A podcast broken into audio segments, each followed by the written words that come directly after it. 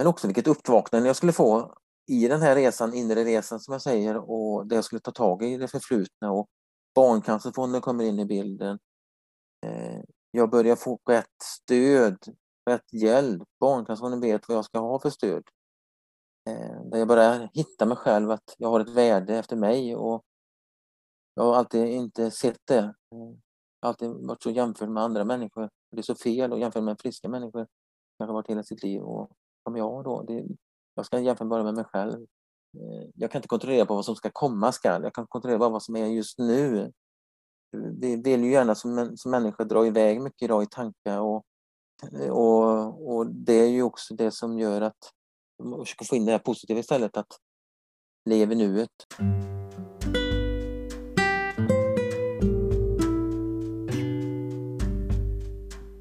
Jag föddes och växte upp på landet i en liten ort som heter Björketorp i Marks kommun. Mina föräldrar drev ett jordbruk med mjölkkossor, kalvar och ungdjur. Och mysiga katter fanns på gården som förgyllde tillvaron. Det var en härligt fin plats att få växa upp på. Den friheten, gemenskapen, känslan att som barn få ta del av var så bra. Det var en sån trygghet och skapade en miljö man levde ut i som barn. En tacksamhet. Så börjar Martin sin novell i antologin Man ska vara tacksam att man överlevt, har jag hört. En novellsamling som skrevs sommaren 2020 inom ramen för en skrivarkurs för barncanceröverlevare. Och i dagens avsnitt så berättar han om hur han överlevde som barn, men fick lära sig leva som vuxen. Varmt välkomna till ett nytt avsnitt av poddterapeuten.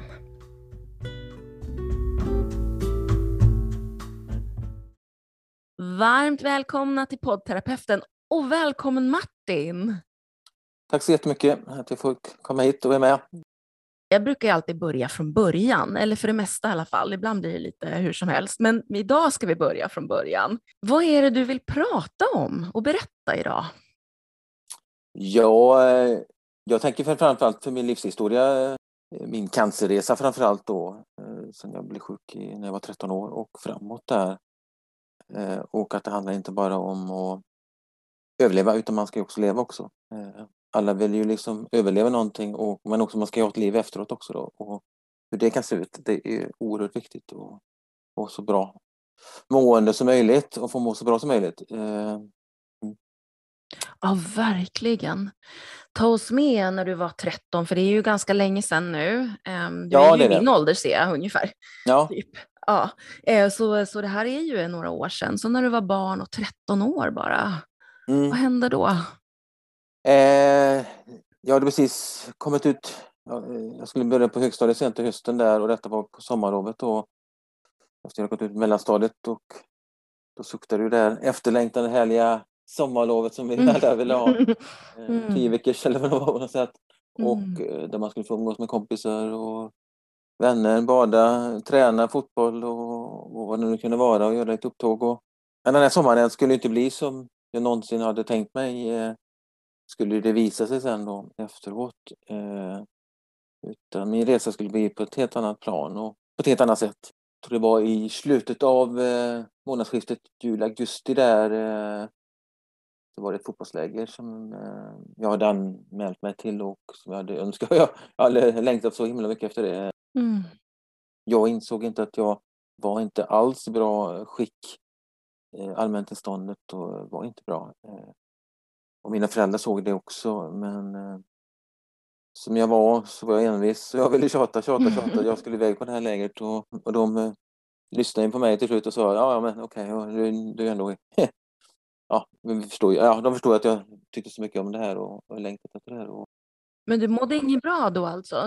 Nej, det gjorde jag inte. Och det är ju sånt som jag liksom, man lägger ihop efteråt på något sätt. Eh, nej, jag, jag hade ingen ork, ingen kraft. Jag var väldigt eh, trött eh, och, liknande. Eh, men jag greppar väl inte det alls, eh, symptom och, de här, och vad det handlar om egentligen.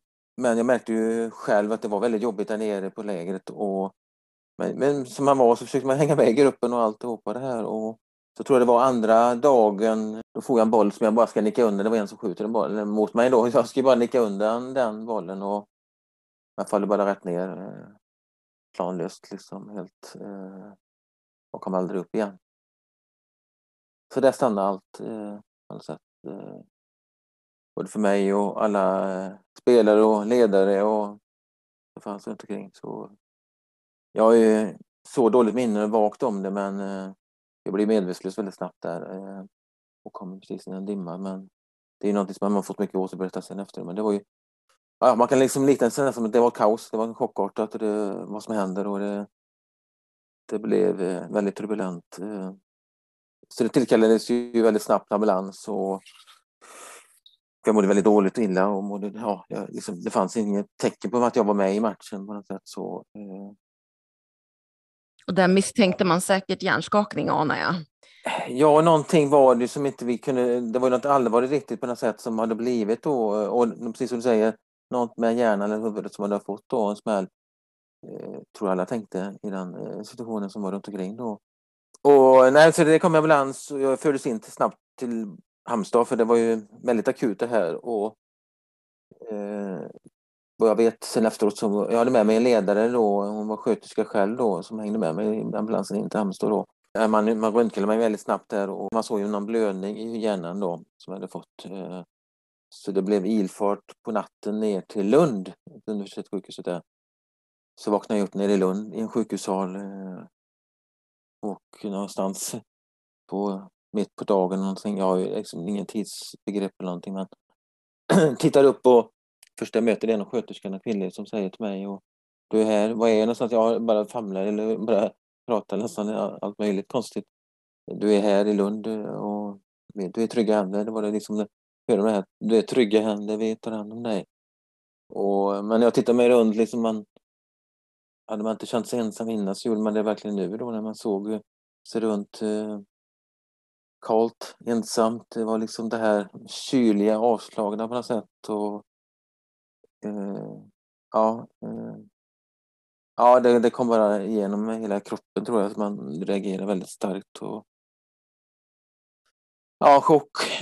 Jag nästan beskrivit som lite, man är, man är kall, man är frusen, man är ensam. Jag frågar efter mina föräldrar, de är på väg, de kommer. Så. Mm.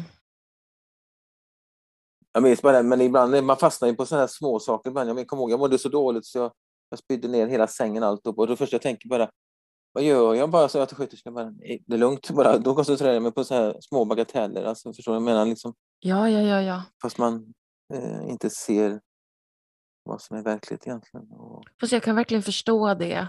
För det, eh, på chocken och på det som händer, och du var bara 13 och så ska du behöva må illa också och spy. Och alltså det ja. där är ju liksom, hela kroppen är ju i någon form av kris. Hela du är en kris.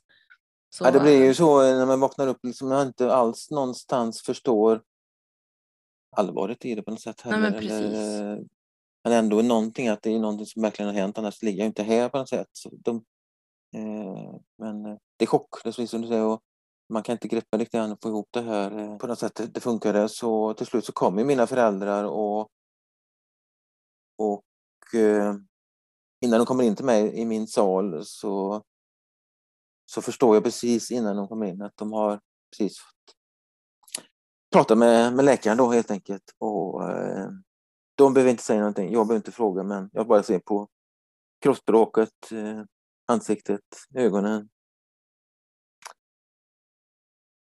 nu är det riktigt allvarligt. Nu är det något, något riktigt tufft som de har fått veta. Jag fattar det. Jag var 13 år men jag förstod ändå det. Och, ja. Mm.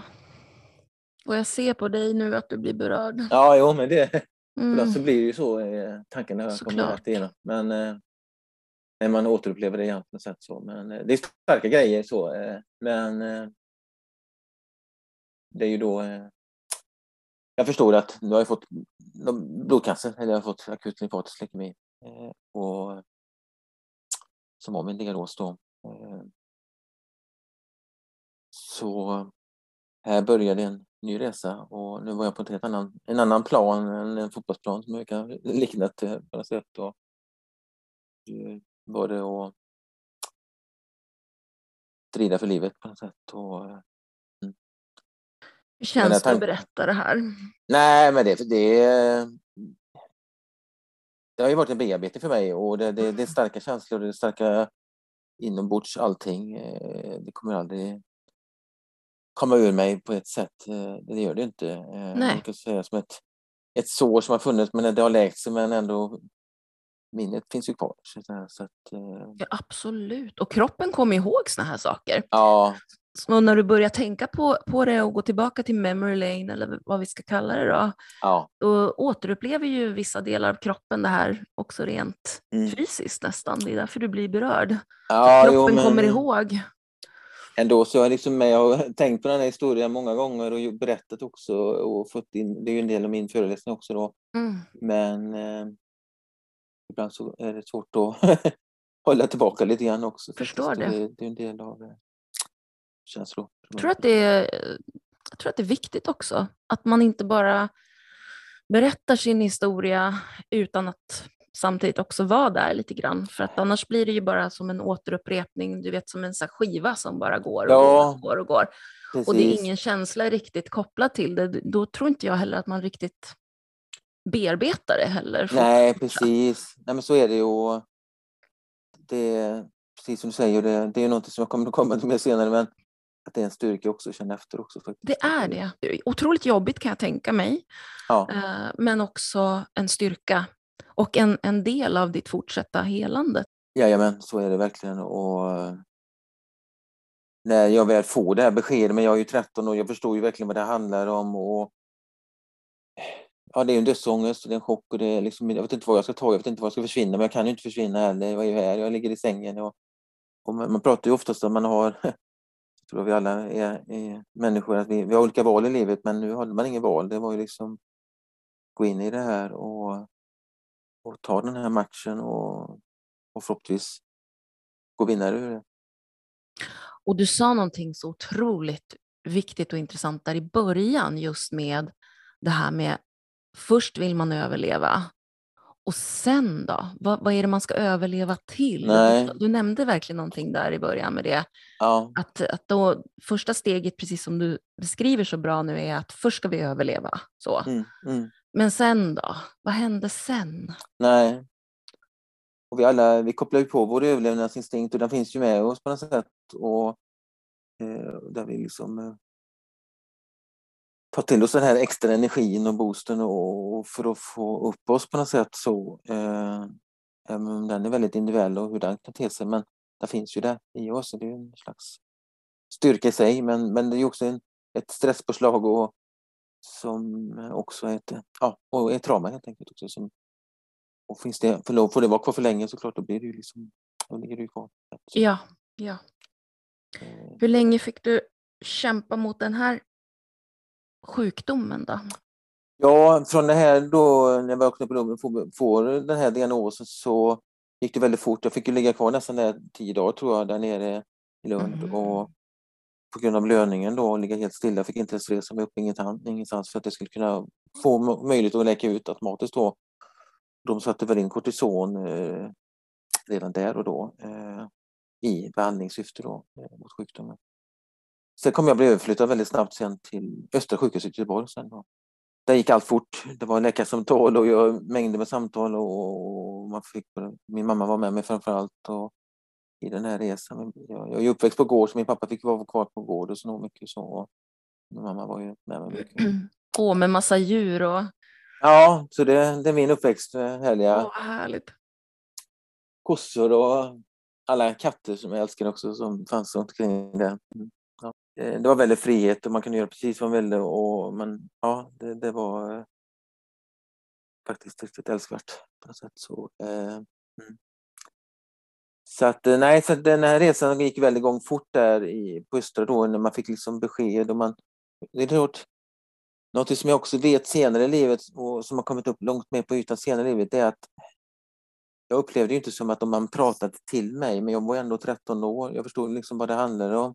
Och det där tycker jag är väldigt viktigt att ta upp. Och, utan det mer blir direkt kanske till föräldrarna eller till min mamma då. Eller, och, men jag var ju fullt medveten om vad det handlade om. Och, och, där, och men ändå, så det blir liksom en skyddad effekt och, det, och det, det har jag hängt med mig mycket i livet. Både från sjukvård och eh, familj också. Då.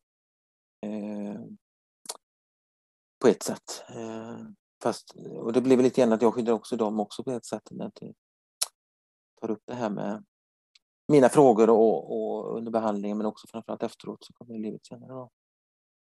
Eh, att jag kände att det var någonting som inte stämde eller jag vill liksom jag hade inte bearbetat eh, och allt det här bitarna. Och jag, hade ingen, jag hade liksom ingen att vända mig till. För det var ju så här, nu går jag lite händelserna i förväg, men eh, hade man överlevt eh, så var det en framgång för sjukvården, och för samhället. Och, och alltså man lämnades helt enkelt på min tid. Oj. Eh, så att då, det var ut i livet och, och så skulle man leva.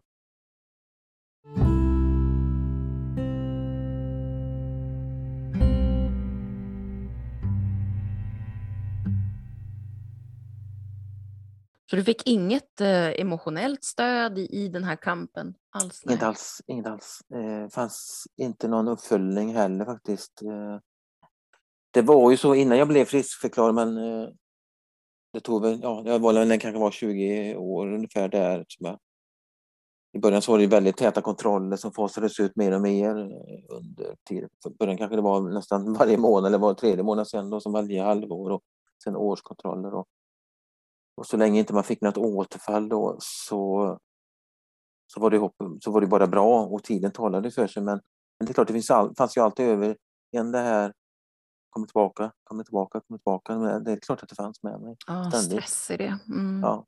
Eh, och... Vad, men vad var värst under den här tiden då? Var det själva blödningen i, i huvudet eller var det själva eh, cancern i sig? Vad var Cancer. det jobbigast för dig? Cancer, Cancer blir det ju, precis. Mm. Sen, sen blir det ju liksom en otäck händelse som, eller på något sätt, eh, som ska upptäcka det här då. Men, eh, men samtidigt så, jag har jobbat mycket med den biten själv mentalt och det var någon mening med det. Det, det skulle hända någonting väldigt snabbt, akut. Och, och så skulle det här komma upp då. Och det hade antagligen inte gått alls långt innan jag hade riktigt behövt uppsöka vård eh, akut. Det går väldigt fort. Eh, eh, förloppet, alltså när det väl blir något fel i, i kroppen. Det är ju, det är benmännen, det är ju celldelningen här med blodkropparna och som, som löper amok helt enkelt och där immunförsvaret spelar in. Då. Så den här smällen som jag fick då, eh, alltså det, det, jag, var ju, jag var ju farlig för minsta slag för mig själv egentligen. Så, där, så att, eh, med att jag hade så dåliga blodvärden. Så den här, eh, när jag föll ihop där på, på, på den träningen där på träningslägret då så, så beror det på att mitt immunförsvar är, är ju i botten helt enkelt. För sjukdomen har ju tagit grepp om mig och, och kroppen. Då. När skolan skulle starta upp och så, så går ju tankarna, då ligger jag i min sjukhussäng och då har mina behandlingar startat upp. Eh, där jag vet att nu kommer jag gå en riktig, riktig, riktig match eh, som jag inte har gått någon gång innan. Och, och jag mådde ju så dåligt, eh, fruktansvärt dåligt. Och I början av den här sjukdomsperioden så, så det är ju meningen också att man ska slå ner en slags remission på sjukdomen också. Eh, det är ju kraftfulla mediciner eller cytostatikabehandlingar som man pumpar i mig då på något sätt med alla slag, olika färger som jag ser gå ner i för och, och Det är väl det som också kommer upp och som är riktigt, det är ju är en ensamhet också samtidigt som kommer upp samtidigt som jag då ska mobilisera alla krafter jag bara kan få i kroppen och, och gå den här eh, kampen och, och försöka också må så bra som bara det någonsin går också för att kunna klara för det handlar ju någonstans bryta ner på något mm. sätt, en bit i taget, en dag i sänder och Alltså ibland blir det liksom, när jag säger en bit i taget tänker jag också nästan, det är minuter, det är timmar och det är liksom dag. Och har jag genomlevt en fruktansvärd dag så kommer nästa dag samma sak igen. Så det, så det, ja, men det, någonstans blir det ju vilket jag tror också jag hade med mig min träningsbakgrund bakom med, med idrott, för den kom med mig väldigt tidigt i livet också. Det tror jag har hjälpt mig oerhört mycket. Eller, eller jag är övertygad om att det har hjälpt mig jag tror jag försökte ändå hitta saker och ting och det var väl just att se, jag tror jag ser framför mig lite grann bilderna inom mig att, att jag hade längtat till saker och ting. Jag kunde se fotbollsplanen framför mig. Det ska jag springa ut igen. Och... Var det det som hjälpte dig framåt? Ja. Mm. Det kommer bli en väldigt viktig sak för mig. För ensamheten kommer alltid finnas kvar i mig och mm. jag har fått drabbas, eller jag har varit drabbad av mycket psykisk ohälsa genom livet. Och Men i idrotten, det fanns ett, vad kan säga, som en ett tomrum, det fylldes av det där tomrummet, det fylldes där på något sätt. Och där var jag inte ensam. Det, helt plötsligt kunde jag kolla på den här gamla Martin igen. Och... Ja, den innan. Ja. ja. Den med korna och katterna. Och ja, ja, men det blir ju lite så. Jag kan säga när jag, när jag var barn så lekte jag för glatta livet och nu vill jag spela fotboll för glatta livet. Eller? Ja, du reagerar ju idag helt naturligt och normalt utifrån den onaturliga situationen som mm. du var mm, i. Mm. Eh, kroppen måste ju få eh, göra det den behöver för att bearbeta det som var ett trauma. Ja. Och då är det lite synd att man sätter egentligen etiketten eh, ohälsa, för egentligen så handlar det ju om bara eh, helande. Mm. Mm. Egentligen, om man, ska mm. vara, om man ska tänka på det liksom lite utifrån ett annat perspektiv, som jag gillar ja. att göra ibland. Ja, men det, det är sant. Och det, det har också varit en resa att förstå också det att, att det kunde vara en, en sceneffekt utav min behandling. Ja, exakt. Det en naturlig. Jag. jag visste inte det. Och, och som person som jag var under så många, många år så jag var inte den som skulle vika mig för jag det liksom, och då hänger det med det här som jag var som när jag fick min cancersjukdom och det var ju de här orden som ekade ständigt över mig. Du ska vara stark, du ska vara tålig, du ska, du ska fixa detta, du ska klara det här. Så jag bevarar ju det allt inombords på något sätt. Eh, och det blir bara mer och mer genom åren på något sätt. Och, och att när man inte visste vad man kunde få för stöd och för hjälp, men inte också vad man hade gått igenom heller. Eh, och så var jag inte villig till att ta på något sätt hjälp heller, för det, liksom, det fanns det här, liksom, jag skulle klara mig själv. Jag skulle fixa det Och du gjorde ju det. Du klarade dig, ehm, men det krävdes ju enormt av dig. Ja, det blir ju så som inte jag kan förstå alls egentligen av på något sätt. Att just att man, man vägleder sig själv, man coachar sig själv och ja. något form av självledarskap på något sätt. Men det är klart det har kostat massor och massor och massor på något sätt. Och I arbete och relationer och eh, men också tycka om sig själv också på något sätt. Och hur lång tid tog det innan du var tillbaka mer eller mindre på banan då? Eh, behandlingen drog igång där som sagt sensommaren där. Den pågick ju ända till året efter då och då avslutades det med strålbehandling. Eh, mm. Vi som var leukemipatienter på den här tiden, vi fick alltid strålbehandling mot hjärnan, centrala nervsystemet. Även om jag inte hade några spårbara eller, eller synbara celler i hjärnan, för man röntgade ju min hjärna så, mm. så, så, strål, så blir man strålbehandlad oavsett ändå. Okay. Så det avslutades det året då, eh, den här perioden, den är ju, alltså det, det, jag går ju, ska ju, är ju i sjuan då, jag går i klass sju egentligen då, det är ju min första år egentligen då i högstadiet. Ja, just det. så det blir ju inte många dagar, de där dagarna kan man nästan räkna in på händerna, eller på att säga. Eh, som jag får möjlighet att kunna komma till skolan. Eh, och det är ju framförallt de dagarna när jag är så pass att klara det och inte har en behandling eller så. För jag upplever ju nästan så att jag har, det är min upplevelse och jag tror inte jag är helt fel. Det är nästan till behandling varje dag, vecka ut, vecka in beroende på så länge bara kroppen klarar det och mina eh, värden och så, så är det så. Och så avslutades den här underbara, härliga perioden med en grand final av strålning. Ja, precis. Verkligen så här. Toppen eh, av allt. Ja.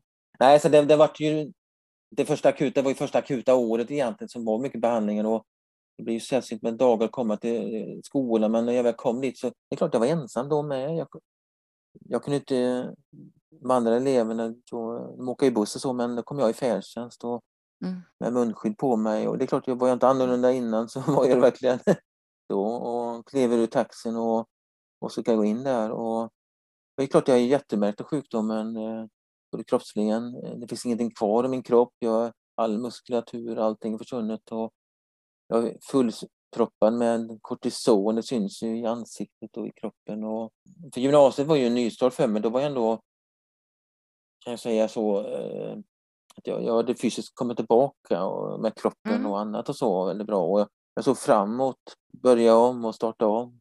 Så skolan och den, den nystartade var fantastiskt bra för mig. Jag fick hjälp av sjukvården faktiskt att komma in till gymnasiet också då. Jag hade kanske kunnat komma in på mina betyg för jag lyckades ändå gå igenom högstadiet utan att behöva gå om. Då. När jag kom till gymnasiet då så, så var det en omstart på många plan. Men skolan, skolan det, det, skulle bli väldigt lidande rätt så snart. Eh, första året skulle väl gå hjälpligt bra eh, skolresultat och så men sen eh, tvåan, årskurs två och tre, jag gick ekonomiskt då, så det bara rasade fullständigt för mig. Jag kunde inte ta till mig kunskap och kunde inte få till det på prov eller någonting. Eh, jag hade ingen aning om vad det handlade om heller och det jag vet inte så mycket mer idag, det, jag var ju statikatrött. Eh, och det är en form av hjärntrötthet då, och, och inlärningen påverkas så mycket och allt annat så, det jag vet idag. Eh, och idag vet jag också att jag har hjärntrötthet och förvärvar hjärnskada också. Mm. Så att, men, jag såg ut som en som helst och det var väl det som också kommer att vara en del av dilemmat också senare i livet med allt det här och, eh, och passa in och både i arbete och i samhället. Och... Det här med det du sa, det här med att leva. Mm. Eh, när började du komma till den punkten? För att nu, nu ser jag ett mönster här först av den här kampen mm. och sen försökte du efter kampen leva ett vanligt liv utan att hitta mm. återhämtning däremellan. Och sen till slut så sa kroppen att nej, nu orkar inte jag längre, nu vill jag vila. Så. Och det var då du kraschade. Ja, jo, men egentligen så är det så här att tiden gick ju där på något sätt, gymnasiet. Jag kom ur gymnasiet med ett jag, jag kunde ju ta studenten, vilket jag är oerhört glad för, men, mm. men det var en sorg i ögat, eller en sorgsenhet eller säga, inombords. Ja. Och, och, och, det fanns tårar i ögonen på mig, men jag höll dem borta. Mm. Eh, för jag hade misslyckats totalt, kände jag, eh, med skolan. Okay. Och jag var glad på ett sätt, kanske, att jag hade klarat på ett sätt, men jag kunde inte ta till mig det heller riktigt. Utan eh, jag jämförde med andra, att eh, jag var inte tillräckligt, hade inte klarat jag kunde gå ut med betyg men jag, jag, jag kände mig som mer undermålig på något sätt. Och inte, det, det, var väldigt tufft. Och då kände jag nästan direkt nu kommer jag inte kunna gå vidare mer i skolan och kunna utbilda mig vidare eller så. Så var mm. tankarna mm. nästan direkt där. Mm. Så, äh... Vi ska ju hoppa framåt lite mer i tiden nu um, och gå till den som du är idag. Ja, det, var, det kommer bli väldigt tufft framöver de här åren och, och, och söka sin tillvaro och hitta sin, sitt värde. Mm. Att det mm. var någonting. Eh, och den ständiga jämförelsen med alla andra människor där ute i samhället. Och det har varit en kamp för att ens få ett jobb och ens få vara kvar. Jag klarar inte tempot, kraven, målen.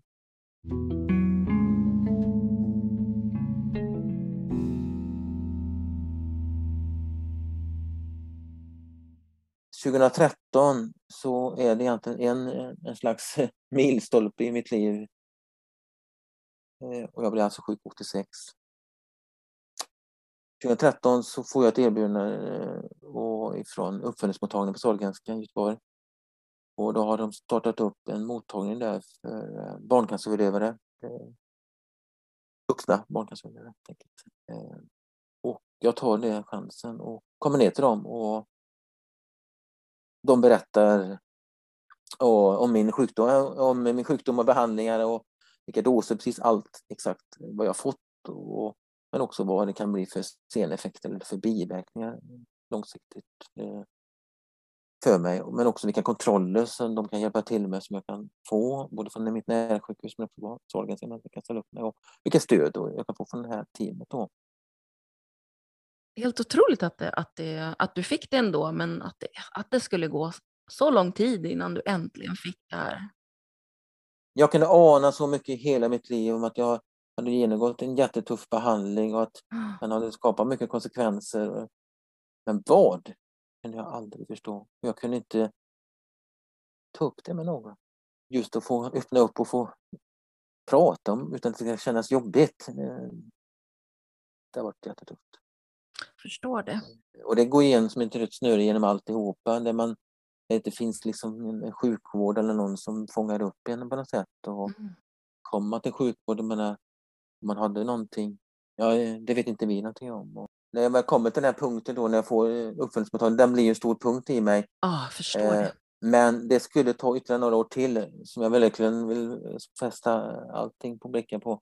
Mm. Jag får min hjärntumör 2016. Så 2016, eh. då får du en, då får du en hjärntumör? Okay. Mm. Mm. Och där går jag in i någonting och det är en påminnelse av min barncancer så det finns ju samband där. Eh, och då kunde jag aldrig veta vidden av det och hur det skulle ta sig framåt i livet för mig. Och, men också vilket uppvaknande jag skulle få i den här resan, inre resan som jag säger, och där jag skulle ta tag i det förflutna. Och Barncancerfonden kommer in i bilden. Eh, jag börjar få rätt stöd, rätt hjälp. Barncancerfonden vet vad jag ska ha för stöd när det gäller samtalsstöd. För jag har inte bearbetat mitt trauma. Det kommer in i bilden också. Oj, okay. Eh, jag börjar se ett värde i mig själv, att jag ska ta hand om mig själv. Och jag får också veta också att jag har en förvärvad hjärnskada, vilket är traumatiskt och jobbigt det är med naturligtvis att få veta det beskedet. Men äntligen så fick jag svar någonstans. Eh, till början var det jättejobbigt, man kände sig jätterolig att oj, när man gjorde de här testerna för att få veta om man har förvärvad hjärnskada. Kan jag inte det? Fattar jag inte det? Och vad är det med mig? Men mm. Idag har jag vänt det till något helt annat. Att jag har fått svar, jag vet det här. Det är bara en del av mig det här. Eh, det innebär inte att jag inte kan jobba. Det innebär att jag måste bara få med det i den nya Martin. Jag kan göra eh, så mycket, bara jag får visa upp mitt rätta jag och att man kan se mina tillgångar och på rätt sätt med rätt anpassningar. Eh, så det jag vill göra egentligen idag, jag vill jobba med människor, jag vill jobba och bidra inom sjuk och hälsovård, jag vill föreläsa om mm betydelsen av att man, man, kan komma vidare i livet. Man kan hitta en röd linje eller röd tråd och få den här inspirationen. Och jag brukar säga ibland, tänka, tänka till mig själv, ibland, jag ser det ungefär som jag är ute på Vasaloppsspåret och nu börjar jag skönja det här när jag kommer in på upprakan i, i Mora, parken och in där och hela vägen in på ser färdigspår fram till segrar. Är du tillbaka på fotbollsplanen eh, visuellt och mentalt? Så? Ja, men det, det tycker jag nog att jag kan känna ibland. Eh, mm. Eh, ja, på det gröna gräset. Ja, ja, men det är jag. Ja, men jag numera följer via tv i så fall fotbollen, men jag ser mig framför det. Och idrotten har betytt oerhört mycket och det är mm. det som har räddat mig också hela livet faktiskt. Mm. Och så mycket Eh, sen finns det så mycket kvar att göra med mig, och, men det börjar det är som att lägga livspussel på något sätt och, och bit för bit. Och jag börjar komma mer rätt i det här tusen, tusenpusslet på något sätt. Och, eh, Eh, där jag börjar hitta mig själv, att jag har ett värde efter mig. Och jag har alltid inte sett det. Jag har alltid varit så jämförd med andra människor. Det är så fel att jämföra med friska människor. Jag har varit hela sitt liv. Och som jag då, det, jag ska jämföra bara med mig själv. Och eh, framförallt eh, tänka att jag har tillgångar och, och mycket saker som jag kan göra nytta men på rätt sätt för människor. Och, så jag hoppas på något sätt att jag får jobba med som patientföreträdare eller patientdelaktighet eller på något sätt. Och Barncancerfonden eller liknande sådana saker. Mm. Det är där jag vill komma in. Och även föreläsa. Jag vill ut och visa också ur det jobbiga och tunga så kan man också komma framåt i livet men, och man kan ha med sig ovärderlig kunskap och erfarenhet men, men också börja våga leva också. Börja våga leva. Ha en hjärntumör rest kvar sådär. Så, lite grann. så, men, okay. Eh, så är det väl läget egentligen men det är vilande helt enkelt. Det är vilande. Mm. Ja. Det tog tid. Det är också det här jobba med sig själv, det mentala och jag tänker inte på det idag. Men det, det, det kommer upp ibland stunder, det gör det. det Eh, men jag har till slut lyckats eh, få till in det här att jobba med att förhålla till nuläget. Nu är det så här och jag kan inte... Jag försöker, jag försöker jobba ständigt mycket med det här att jag kan inte kontrollera på vad som ska komma skall. Jag kan kontrollera bara vad som är just nu. Vi vill ju gärna som, som människor dra iväg mycket idag i tankar och, och det är ju våra negativa tankar som finns mycket i hjärnan idag. Ja. Det finns, och, och det är ju också det som gör att man försöker få in det här positiva istället, att leva nuet eh, på något sätt. Mm. Jag tänker på som en kvinna jag träffade på vägen som hon sa att nuets förnöjsamhet, det tycker jag skulle också. Mm. Så fint. Så det, men, men det krävs en hel del och jag lyckas inte alltid med det här tankesättet och, och, och dribbla och, och, så men, men bättre och bättre är det mm. faktiskt. Och ibland kan jag få oro och tankar på mig men då försöker jag gå in i det här och inte börja värdera tanken utan låta den bli som en havet, vågen, att den får gå iväg igen. Och, eller hitta någon annan form av distraktion eller någonting som musik eller komma ut och ta en promenad eller det är helt otroligt. Det märks ju också verkligen att du har gjort så mycket egenarbete och traumabearbetning och processande och herregud alltså. För en, jag blir imponerad. Vad har du haft för stöd och hjälp med det? Har, hur ofta har du pratat med någon och sådär? Det har ju kommit senare i, i livet nu de senare åren. Ja, från och med 2013. Ja. Ja, eh, ja, från 2016 igen mer eller mindre. Ja. Men 2013 var det ju en avstamp i sig då. Men, ja. men där var jag inte villig att, att ta hjälpen heller. Och redan då så vet jag min läkare frågade mig hur det gick för mig och då, då var jag inte ärlig för mig själv, jag var inte ärlig mot henne. Jag sa att jag jobbar ju, hade ett jobb då på 100 procent. Jo, men det, jag är lite trött och så. Men det, det, det går bra. Själva verket så fick jag inte ihop vardagen ihop med arbetet. Eh, det var bara arbetet som gällde. Jag, det är någonting som har följt med mig. Där jag trodde jag skulle skapa en identitet, att jag var någonting, men jag kunde inte se heller mönstret också att jag hade mer och mer inget liv utanför det heller. Eh, idag har vi ett arbete så måste vi ha ett vardagsliv. Vi kanske ska ha en familj eller en partner eller barn eller andra bitar. Eller, det, det såg inte jag. Så det, och det är mycket som är ett lidande men och när man pratar om just att kunna hitta sitt rätta jag i, i, i arbetet så är det samma sak inom att träffa en partner och våga lita på sig att jag duger själv som jag är. Och det har varit jättetufft faktiskt. Jag, eh, just att kunna se det här våga vara sårbar men också ska jag kunna bli någonting så måste man också vara sårbar. Men du är ju en krigsveteran. Ja. Verkligen. Och det är ju jättesvårt när man har varit så länge i krig och sen hamnar i fred och vet man till slut inte riktigt vad ska jag göra nu då? Hur ska jag vara sårbar i det här? Jag är så van vid krig. Ja. Men jag är på rätt väg och mm. jag tycker det, jag skönjer mycket och börjar, nu, säger jag, nu känner jag själv mycket det på, det personliga planet och, och sättet och hur jag kan hantera olika saker och ting. Eh. Och det är också något jag vill bidra med till andra människor. Eh. Jag känner, jag är väldigt nyfiken på det, just hur man kan jobba mycket med, hur man kan leva under tiden man har jobbiga saker. Eh, det det psykosociala och också ta på kanske det existentiella och också sådana saker för Dels har jag med min bakgrund och allt det här men jag är också så nyfiken på också, det är så mycket annat mer som väcks inom mig och det är så viktigt i den här rehabiliteringen som finns. Och jag pratar om cancer så är det ju cancerrehabilitering och den kan ju pågå under hela livet. Just det, och göra, göra saker, göra vardagliga saker, inte eh, trots det man har med sig i bagaget utan med, tillsammans med det på något vis. Ja, jo, man på något sätt få, få liksom det i hand på något sätt ja. tillsammans. Eh. Mm. Jag vet och... att det här är inte är samma sak, men jag brukar jämföra det med till exempel personer som lever med ångest. Ja. Då brukar jag säga sådär, ja men um, sluta försök slänga ut ångesten ur bilen, för det går liksom inte. Det kommer bara bli jobbigt, Nej. det kommer bli att ångesten tar över och börjar köra din bil och den kommer köra bilen till platser där du inte vill vara, tro mig, Nej. the worst Nej. area in the neighborhood liksom. Ja, you don't ja. wanna go there. Ja. Så, så sluta bara släng ut den, utan gör så mm. här istället, sätt den i mm. baksätet.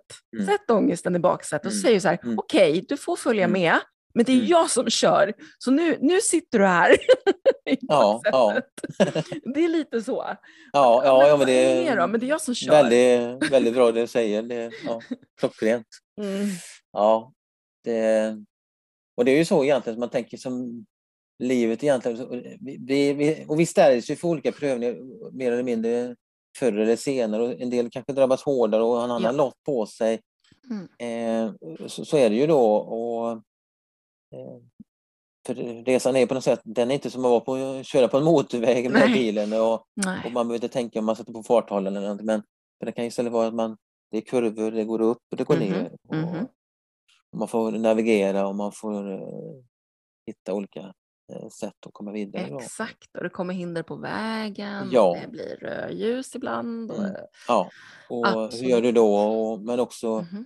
hur du tar det vidare också. Ja. Eh, eh, Att det blir ett stopp, ja, jo, men också vad, Exakt. hur gör du då och vad tänker du då? Vad, Ja, eh, men också att under tiden också att försöka leva, våga leva. eh, Och det är många nycklar där vad man får trycka på, många punkter. Alltså det, ja det, verkligen. Och du ska ha alkolås i bilen och du ska veta när du ska gasa och du ska veta Ja. när du ska bromsa. Och så har du då din of ofrivilliga, eller din passagerare som du inte vill ha, som kanske sitter i bak och säger så här, är vi framme snart? Är vi framme snart? Mm. Är vi framme Mm. snart? mm, ja, Får du ge den någonting att dricka eller äta, bara så att den håller sig lite lugn där bakom. Så här. Det är verkligen det är också så. någonting som jag har fått med mig, liksom, man tänker tid och tålamod. eh, Ja. Efter min, eh, det har varit mycket efter min, rehabilitering, både fysiskt och även Mm. man har tränat sig tillbaka också. Så att, och vi vill ju ofta rusa iväg, vi vill tillbaka så snabbt som möjligt i allting. eh, På många plan. är det, ja, vi går på, på en skada så vill vi ju tillbaka där vi var innan. Ja, men åh, det är så vanligt. Man vill alltid tillbaka till det man var innan och så ser man inte riktigt den här... eh, Det är så svårt att se värdet i den man är, den nya. Ja, Eh, bara för att man tycker att man jämför alltid det med det som var och Ja. med andra istället för att se att ja, men det är något nytt nu. Mm. Liksom. Men då kanske det blir så här, men jag gillar inte den jag är idag. Jag vill hellre ha det Nej. andra. ja. Mm. och det, det, det, så är det ju för mer eller mindre alla vi, Ja. eh, på ett sätt. Vi, vi, vi ser det vi har haft innan. Och sen tänker jag själv som barncancervårdare så känner jag någonstans, det som kanske det har hjälpt mig oerhört mycket det jag tänker, det är att det har varit en resa redan från första början liksom, för mig och den har jag haft med mig. Liksom, och det har naturligtvis underlättat mycket. Eh, jag säger inte att det är, att det är för oss, men det är klart att det finns en underlättning i det. För mig har det varit i alla fall att när jag gick in i Björn hjärntumör och eh, jag har faktiskt en annan sak som jag, jag kan berätta lite snabbt bara, men jag har själv eh, drabbats av en, en barnförlamning faktiskt.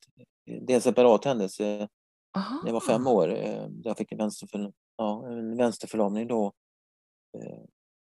Och det är också när vi pratar om trauma och sådana saker. Då, jag vet när jag kom i kontakt med Barncancerfonden då och faktiskt en tjej idag, en kvinna där som hon är i min ålder, hon sadlade om på senare år till att hålla i samtalsstöd och sådana saker. Och just med det här med psykosyntes, eh, hur man går tillbaka i det förflutna då.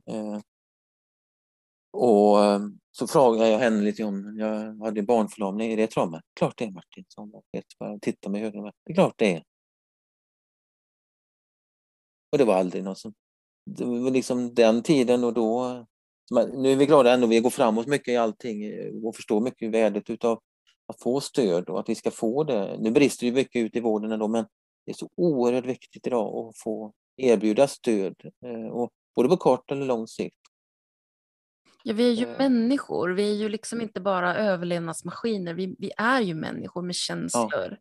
Ja, Och det är så otroligt viktigt och jag är så ledsen för att del, dels det som hände dig men också att du inte fick något stöd. Det är, det är hjärtskärande.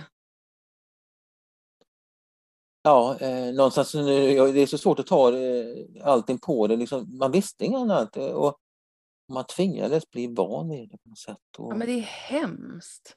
Och ja, eh, Jag är så ledsen, men, men jag är glad över att du fick det stödet åtminstone senare i livet. Ja men det, det är det jag tar på. Och, Mm.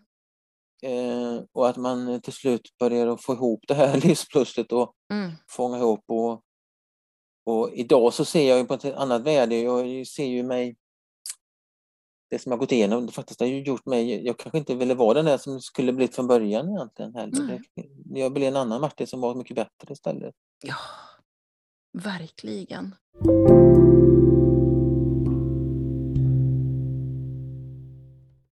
Och nu Men, ska du eh, ut och föreläsa. Hur, hur ser planerna ut med det? Eh, jag, är inte, jag är inte uppbokad mycket. Nej.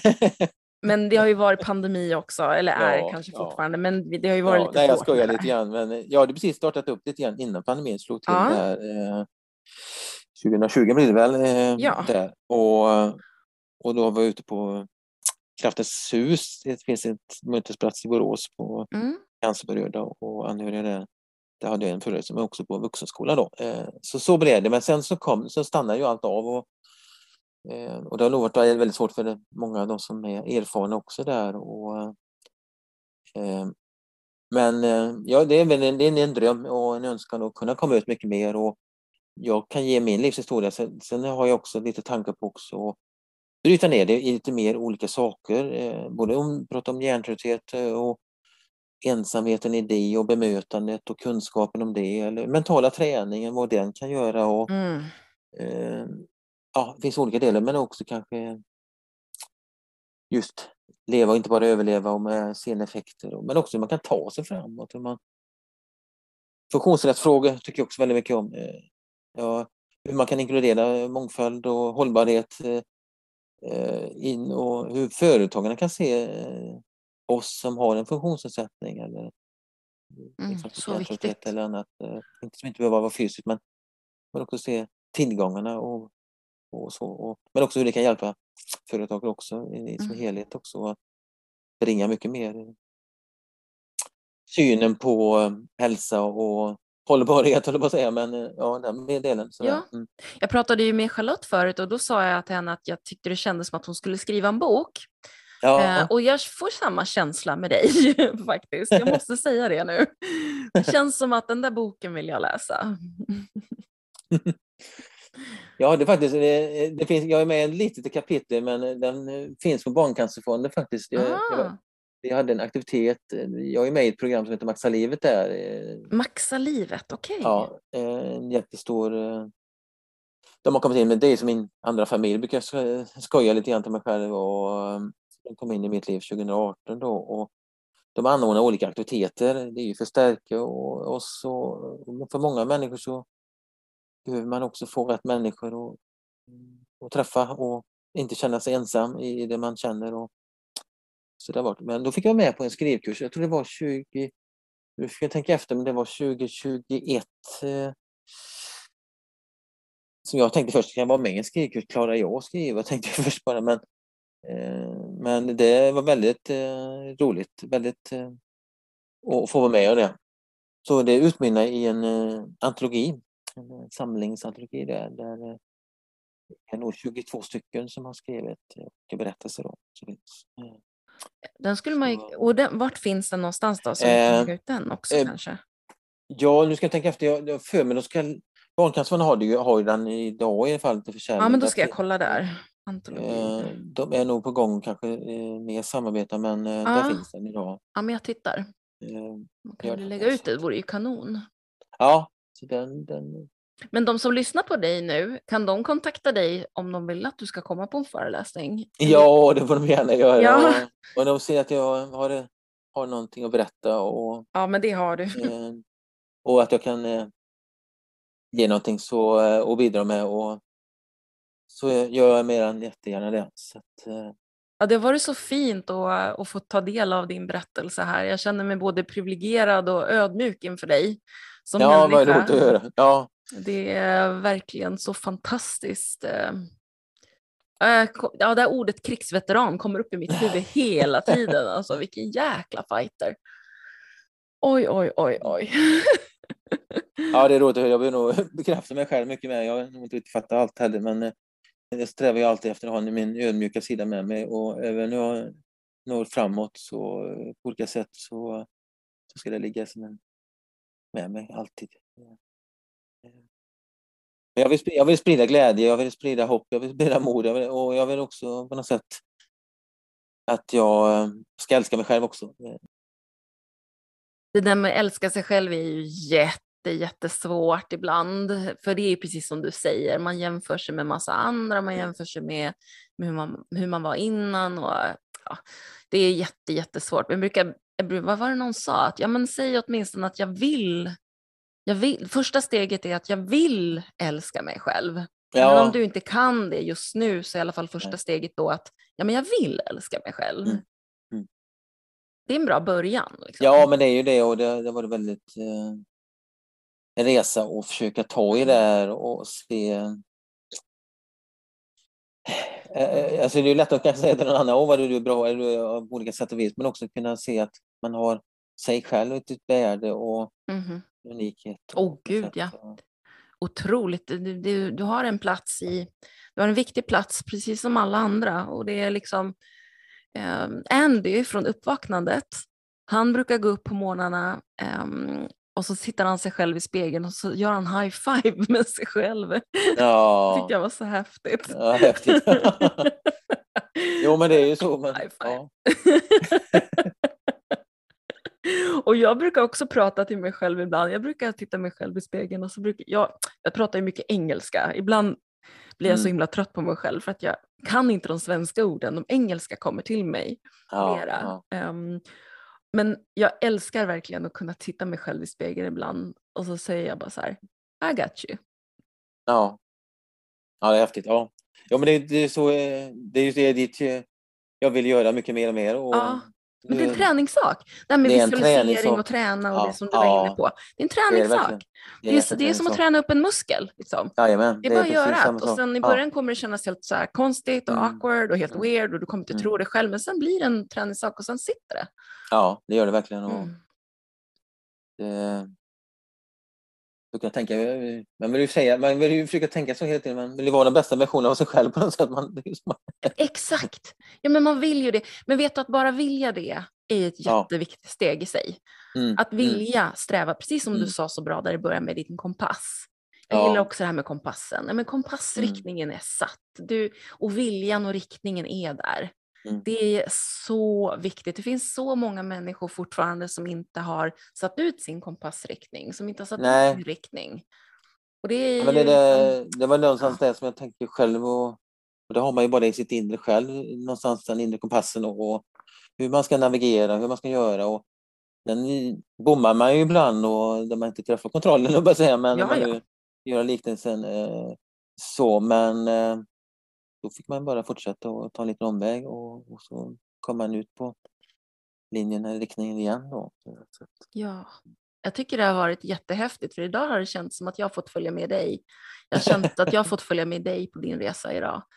Um, Du, du, du har kört bilen eh, och sen har jag fått suttit i passagerarsätet och hängt med idag. Ja. Vad är det sista du vill ge till, till lyssnarna innan vi lägger på? Vad är din sista slutkläm? Eh, sista, jag, jag tänker faktiskt att lev i nuet, det är nog mitt största motto. Man kan man försöka jobba och träna på det. Eh, det är inte lätt, men, eh, men eh, har man mer förmåga att träna och träna på det och så, är- så är det en, en jättestor framgång för att få så bra livskvalitet som möjligt. Eller livskraft kallar jag också det. Just det, livskraft ja. Mm. Mm. Så sant. Ja, Lev i så, nuet. eh, Mm. Ja, lev i nuet. Mm. Och, eh, jag tänker mycket som ibland man säger, man kan ju, det finns ju någon så här eh, eh, dröm om morgondagen, eh, minns gårdagen och lev idag. Det är ju lite grann det jag tänker egentligen. Men ja, Ja, så fint.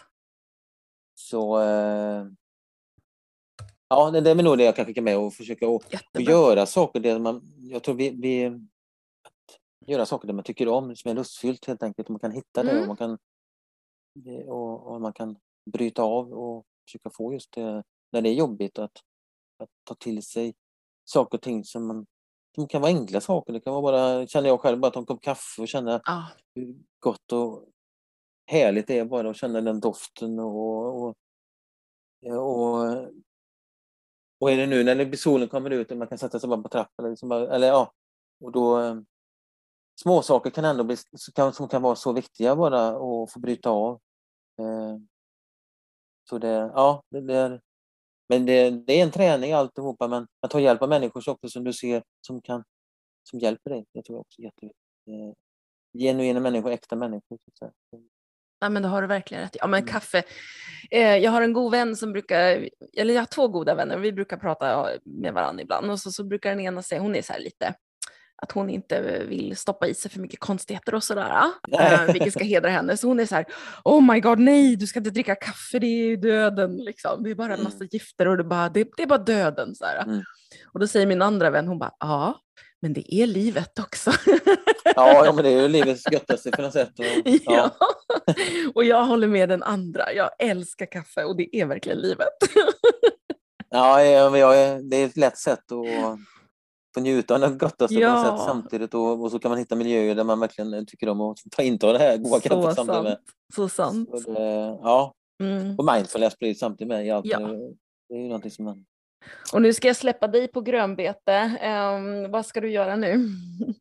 Eh, ja, nu tänkte jag faktiskt, jag höll på att säga, stug och hämta en kopp kaffe, men det, det det, var kaffe. nog, jag ska nog ta lite mat och sådär. Lite mat och lite kaffe. Mm. Ja, så är min ingång just nu. Här, så att, eh, Det låter som en bra plan. ja, så ska jag försöka ta den bästa dagen till mig här idag. Ja, det låter helt suveränt bra. Jag ska faktiskt också göra det. Jag ska käka lite och sen ska jag också dricka min underbara kopp kaffe. Ja, ja, Mm, så jag, jag har inte så mycket planer så just nu, men jag för extra. Men jag ska... det räcker väldigt bra tycker Ja, jag. mm. Mm. Tack själv för allt och det var kanoners på alla sätt och vis. Att det, var Ja. jätte, det var väldigt, väldigt lättsamt. Åh, vad härligt. Ja, jag är jättetacksam. Jag är så, Så- tacksam också. ja, nej, men det, lysande. Ja, nej, men det- Bra. Eh, är du också sådär att du hamnar i tamburkoma? Som jag? Eh, ja, det, det ska jag erkänna ärligt. Så ja, ja, ja. Jag kan verkligen inte avsluta. Jag, vill- jag vill inte släppa. Alltså jag kan aldrig släppa. Det är så här, ja men stanna kvar ett litet tag till. ja. Människor som man verkligen drar till sig på något sätt så, Ja. så blir det, det är svårt. Eh, Ja, roligt. ja, Ja, men, Eh, men vi så avslutar nu i alla fall. så- Tack Martin för att du ja, var med. Och vi hörs snart igen. Ja, det gör vi. Absolut. Hej. Tack för allt. Ja, det gott. Hej då. Ta dagen till dig med nu.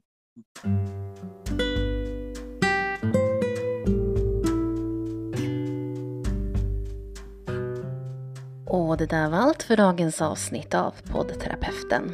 Stort tack till dig som lyssnade och framförallt ett stort tack till dig Martin som delade med dig. Och stort lycka till i din fortsatta fantastiska resa. Du inspirerar verkligen. Ta gärna en minut eller så och gå in på Barncancerfonden.